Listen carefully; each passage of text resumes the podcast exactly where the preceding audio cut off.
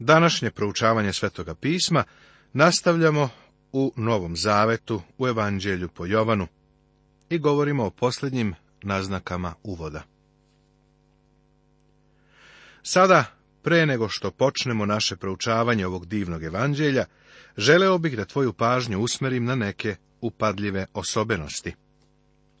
Prva tri evanđelja se nazivaju sinoptičkim, jer su napisana sa istog stanovišta i sa sličnim obrazcem, Četvrto evanđelje je drugačije. Prvo, Matej i Marko ističu Isusova čuda, a Luka obraća pažnju na parabole. Jovan ništa od toga ne čini. Drugo, čuda data u Jovanovom evanđelju data su kao znaci i izabrani su sa velikim delom diskriminacije da bi se tumačile određene velike istine. Na primjer, govor o hlebu života ide iza hranjenja mnoštva od hiljada ljudi. U Jovanovom evanđelju postoji 11 određenih znakova. Treće. U četvrtom evanđelju nema parabola i priča. Reč parabola se pojavljuje jednom u Jovanu u desetom poglavlju, ali se ne radi o uobičajenoj grčkoj reči parabola, nego paromija.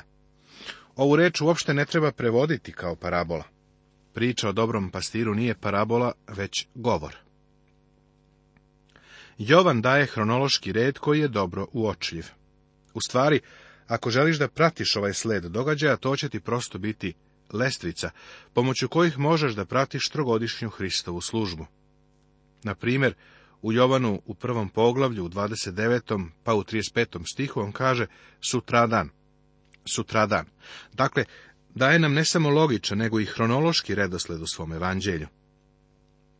Također obrati pažnju na mesta i gradove, na primjer Vitanija s one strane Jordana ili Kana Galilejska. U ovom evanđelju je naglašeno Hristovo božanstvo i ono je glavna tema.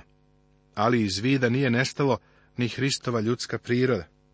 Da li primećuješ da jedino Jovan govori o Isusovom putu kroz Samariju i kako je seo kod studenca jer se umorio na putu? Možeš li zamisliti išta ljudskije od toga? Pa ja mogu. Isus je i plakao. O ovome nam opet govori Jovan. Ime Isus se skoro u celini koristi u ovom evanđelju, bez upotrebe Hristosa. To je neobično, jer je akcenat na Hristovom božanstvu, pa bi pomislio da će koristiti i ime Hristos. Zatim, zašto koristi ime Isus? Zato što je Bog postao čovek. U ovom evanđelju nalazimo divnu akciju a o njoj čitamo u Jovanu 16. poglavlju. Izišao sam od oca i došao sam na svet, sada ostavljam svet i opet idem ocu. Bog je postao čovek, to je jednostavna izjava o jednoj divnoj činjenici. Poglavlje prvo Tema Prolog utelovljenje Reč je Bog, reč je postala telo, reč je otkrila Boga, svedočanstvo Jovana Krstitelja, Andrijino svedočanstvo, Filipovo svedočanstvo, Natanajlovo svedočanstvo. Reč je Bog. Reč je postala telo, reč je otkrila Boga. U početku beše reč Božija, i ta reč beše u Boga, i Bog beše reč. Jovanovo evanđelje gospoda Isusa Hrista predstavlja ovim trostrukim izvanrednim iskazom u početku beše reč, i ta reč beše u Boga, i Bog beše reč. Reč je jedna od najdubljih i najuzvišenijih titula gospoda Isusa Hrista. Njeno značenje nije lako otkriti. Gospod Isus Hristos očigledno nije logos iz grčke filozofije. On je pre memra jevrejskog pisma. Zapazi koliko je značajna ta reč u starom zavetu. Na primjer, ime Jahve se nikada nije izgovaralo. Bila je to tako sveta reč da se uopšte nikada nije upotrebljavala. A evo onoga koji je reč. U njemu se sastoji sve ono što je u njemu govoreno o starom zavetu i sada je predstavljen kao onaj u početku. Taj početak antedatira još od prvih reči u Bibliji. U početku stvori Bog nebo i zemlju. Taj početak se može datirati, iako smatram da u tome niko nije precizan. Besmisleno je izjaviti da se to desilo 4004. godine pre Hrista, kao što izjavljuje Ušer. Doduše, on je živo u 16. veku. Verovatno je sve to bilo pre mnogo više milijardi godina. Vidiš, govorimo o Bogu večnosti. Kada se vratiš na stvaranje, on je već tamo. I upravo tako se i kaže, u početku beše reče. Zapazi da ne kaže u početku je reč. Ta reč nije nastala ili stvorena tada u tom početku. Reč bila je trajno prošlo vreme koje govori o trajnoj akciji. To znači da je reč postojala na tom početku. Na kakvom početku? Na bilo kom početku, koliko daleko unazad želiš da ideš. Biblija kaže, u početku stvori Bog nebu i zemlju. Da li je to Boži početak? Ne. Idi dalje milijardama godina unazad. Milijarde godina pre početka stvaranja, čak i više od toga. A hajde da stavimo neku početnu tačku. On je već tada postoja. On dolazi iz večnosti da nas susretne. On nema svoj početak. U početku beše reč. On je već tamo bio kada je sve počelo. Tamo je da te susretne i već je to u prošlom vremenu. Pa reći će neko, negde neki početak mora da postoji. U redu, gde god da počneš, on je tamo da te susretne, on je već u prošlom vremenu. U početku beše reč. U izvornom tekstu je ovo napisano u pet reči. Na licu zemlje ne postoji osoba koja može da kaže datum ovoga, ili da to razume ili shvati. Vidiš, već prva izvanredna izjava šalje nas u svemir. Druga izjava je, i ta reč beše u Boga. Ovim se potpuno jasno pokazuje da je on poseban i odvojen od Boga Oca. Ne možeš ga identifikovati kao Boga Oca, jer je on sa Bogom, odnosno kod Boga je. Ali neko će reći, ako je kod Boga, onda nije Bog. Međutim, treća izjava jasno pokazuje da i reč beše Bog. Ovo je jasna, snažna izjava da je gospod Bog Isus Hristos. U stvari, Grčki jezik je određeniji od ovoga. Jer u grčkom na početku rečenice piše jedna važna reč koja kaže Bog beše reč. To je snažno, snažnije od toga nema. Želiš li da odbaciš Hristovo božanstvo? Prijatelju ne možeš to učiniti. Prve tri izjave u Jovanovom evanđelju su spojene. U početku beše reč Božja i ta reč beše u Boga i Bog beše reč. Hajde da pređemo na stih 14 pogledaj šta tu imamo. I reč se ova ploti i stanova među nama, i gleda smo njenu slavu, slavu kao jedinorodnoga od oca, punog blagodati i istine. I reč se ovaploti, i stanova među nama, punog blagodati i istine. Grčki filozof bi verovatno bio sa nama u prvom stihu, ali bi nas ovde napustio. Nikada se ne bi složio sa tim da je reč postala telo, Grčki jezik nam dopušta da se to izrazi određenije i po mom mišljenju preciznije, reč je rođena kao telo. Zamisli se nad ovim za trenutak. Bog dolazi iz večnosti još tamo iz drevnih dana. Ali dolazi i u Vitlejem kao mala beba zbog koje je žena zaplakala. Obrati pažnju na to da Jovanovo evanđelje uopšte ne spominje njegovo rođenje u Vitlejemu. Znaš li zašto? On govori o onome koji je prevelik za Vitlem. Iz večnosti je reč postala telo. I stanova među nama je druga izjava u 14. stihu. Stanova potiče od reči skeno, što znači postavi svoj šator među nama. Naša ljudska tela su ništa drugo do mali šatori u kojima živimo.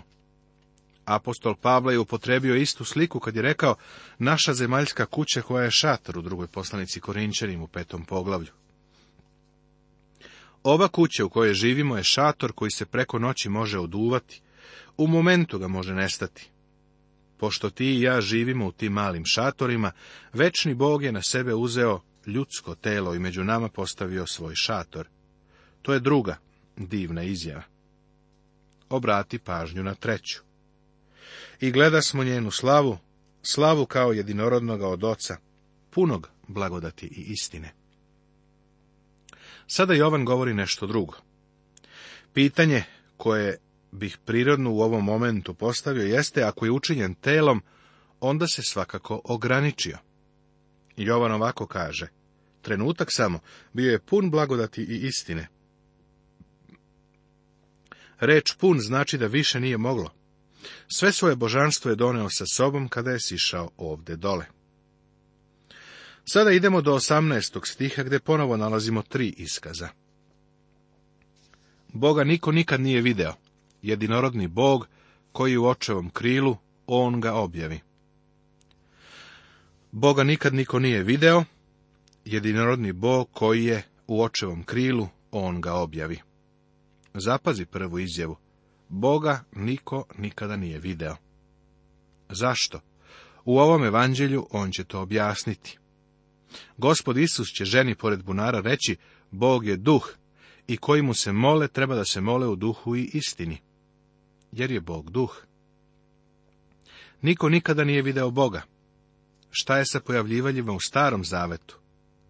Bog se u starom zavetu nikada nije objavio očima čoveka. Šta su onda vidjeli? Vrati se unazad, pročitaj šta piše. Na primjer, Jakov je rekao da je video Boga, ali je u stvari video anđela gospodnjeg koji se rvao sa njim. Bila je to manifestacija, ali Boga nije video jer je Bog duh. Boga niko nikad nije video. Druga izjava glasi jedinorodni Bog. Najbolji grčki tekst je tekst Nesla, nemačkog učenjaka. On je došao do konačnog zaključka da ne piše jedinorodni sin, kako se obično prevodi, nego jedinorodni bog. I meni se ovo više dopada. Koji je u očevom krilu. Ovo nam mnogo govori. Nije došao iz Božje glave da nam otkrije Božju mudrost, niti je došao sa Božjih stopala da bi bio sluga ljudima. Da li se nekada primetio da, iako govorimo o tome da on jeste bio sluga, čije je cipele ikada izglancao? Da li je ikada iza koga vodio neki posao? Nije. Rekao je, ja nisam sišao sa neba da činim svoju volju, nego volju onoga koji me je poslao. Bio je Boži sluga. Došao je da njemu služi, a dok je služio ocu, služio je i ljudima. Nije došao od stopala, niti je došao sa glave. Baš iz očevog krila je stigao. Došao je da se pokaže očevo srce. Bio je jedinorodni sin u očevom krilu. Treća izjava upotpunjuje 18. stih. On ga objavi. Grčka reč je exegesato. Ago znači voditi, a ex znači izvan napolje. To znači da ono što je Isus Hristos učinio da je trebalo da Boga izvede napolje, na otvoreno. Znaš li išta veće od ovoga? U poređenju sa ovim, putovanje na mesec je beznačajno. Evo ga kako dolazi iz večne prošlosti Bog, svemira, stvoritelj svega, uzima na sebe ljudsko telo i izvadi Boga na otvoreno da bi ga ljudi upoznali. Prijatelju, na ovom svetu postoji samo jedan način da upoznaš Boga, a to je kroz ovog jednog Isusa Hrista. Isus Hristos je došao da otkrije Boga, jer je On Bog.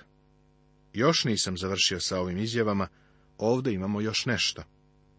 Hajde da prvi stih iz svake od ove tri grupe stavimo zajedno, da vidimo šta će se dobiti. U početku beše reč i reč se ovaploti, Boga niko nikada nije video. Boga ne možeš vidjeti jer Bog je duh. Morao je da postane telo, morao je da postane jedan od nas da bismo ga upoznali. Nismo mogli da se popnemo gore da bismo ga upoznali. On je morao da siđe ovamo i da nam Boga donese tu gde smo mi. Hajde da sada sve druge izjave objedinimo i sve tri grupe. I ta reč beše u Boga. I stanova među nama. Jedinorodni Bog koji je u očevom krilu. Za trenutak razmisli o njemu. Anđeli su se pred njim poklanjali, bio je sa Bogom ravan Bogu. Apostol Pavle je ovako pisao o njemu. Nije smatrao kao nešto prigrabljeno, to što je jednak Bogu. To znači da nije išao u školu da bi postao Bog. Nije radio prekovremeno da bi to postigao. Nije to bila diploma koju je zaslužio. Nije se trudio da postane Bog, on je bio Bog. Ne želim da budem bezočan, ali kada je došao na zemlju, on nije ocu rekao, drži ti na oku Gavrila, on bi da mi preotme posao. Pazi, dok se ne vratim. Nije mogao da to uradi niko, nije mogao da zauzme njegovo mesto on je bio Bog. I tako on dolazi. Rođen je u Vitlemu, tamo je bilo nekoliko pastira, ne mnogo. Odlazi u Nazaret. U Nazaretu je sakriven 30 godina. Bog koji je iz večnosti došao, odlazi u Nazaret i radi u tesarskoj radnji. Zašto? Da bi mogao da upoznaš Boga. Jedini način na koji uopšte možeš da ga upoznaš prijatelju, jeste da upoznaš ovoga. Jedinorodni Bog ili sin, koji u očevom krilu je jedini, koji ne može otkriti Boga. A sada da obratimo pažnju na treću izjavu iz svake grupe. Reč beše Bog, i gleda smo njenu slavu, slavu kao jedinorodnoga od oca, punog blagodati i istine. On ga objavi. Dok je bio ovdje dole, on je i dalje bio Bog, pun blagodati i istine. I on ga je objavio.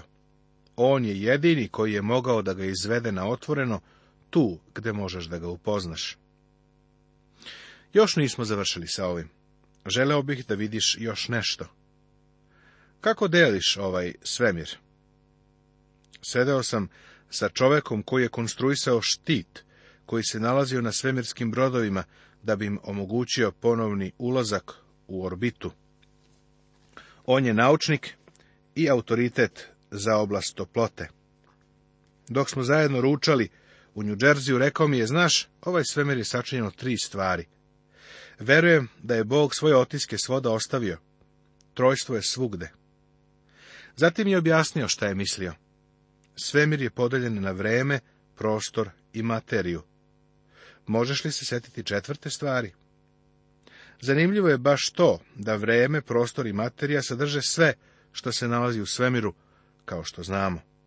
Zatim, vreme se može podeliti na troje. Prošlo, sadašnje i buduće. Imali četvrtog. A šta je sa prostorom? Dužina, širina i visina. Imali još nekog pravca, a u materi imamo njenu snagu, kretanje i njen pojavni oblik. Ovo su tri podele, triju podela.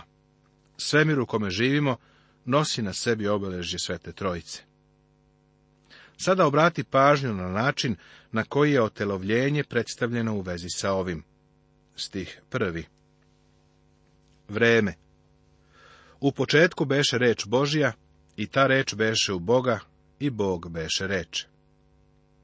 Prostor. I reč se ovaploti, postala je telo, došla je u prostor. Gde? U Bitlejem malu geografsku tačku. Čak je i ova zemlja za njega bila prilično mala tačka na koju će doći i on je tu među nama podigao svoj šator. A mi smo vidjeli njegovu slavu, punu blagodati i istine. Materija Boga niko nikada nije video. Jedinorodni Bog koji je u očevom krilu, on ga objavi. Pošto je postao materija, postao je čovek, na sebe uzeo ljudsko telo. Ljudi su mogli da ga vide i upoznaju Boga. Ovo su vreme, prostor i materija, otelovljenje.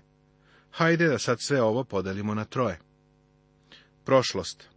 U početku beše reč. Sadašnjost. I reč se ova ploti u naše vreme. Budućnost. Boga niko nikada nije video. Jedinorodni Bog, on ga objavi. Apostol Pavle je na kraju svog života rekao da poznam njega i silu njegovog vaskrsenja.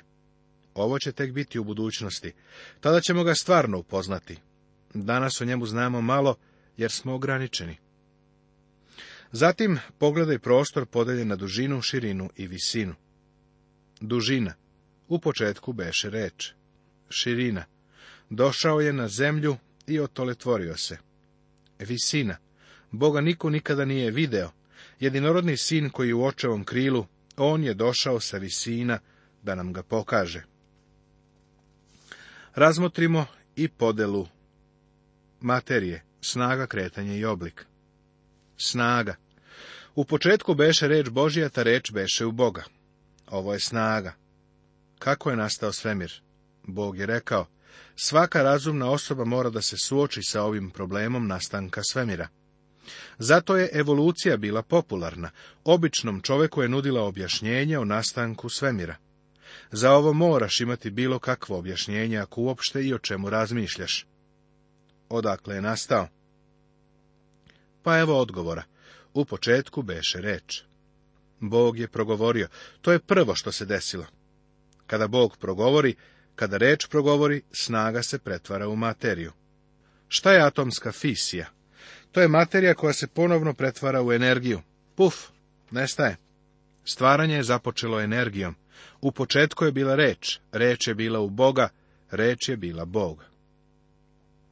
Kretanje Reč je postala telo, ova plotila se, on je došao iz nebeske slave i sišao je na zemlju. Oblik Najveći fenomen na ovom svetu jeste Isus Hristos. Čudesa drevnog sveta, čudesa koja se viđaju u naše vreme, nisu ništa u poređenju sa otelotvorenjem. Bog je postao čovek nastavit će se.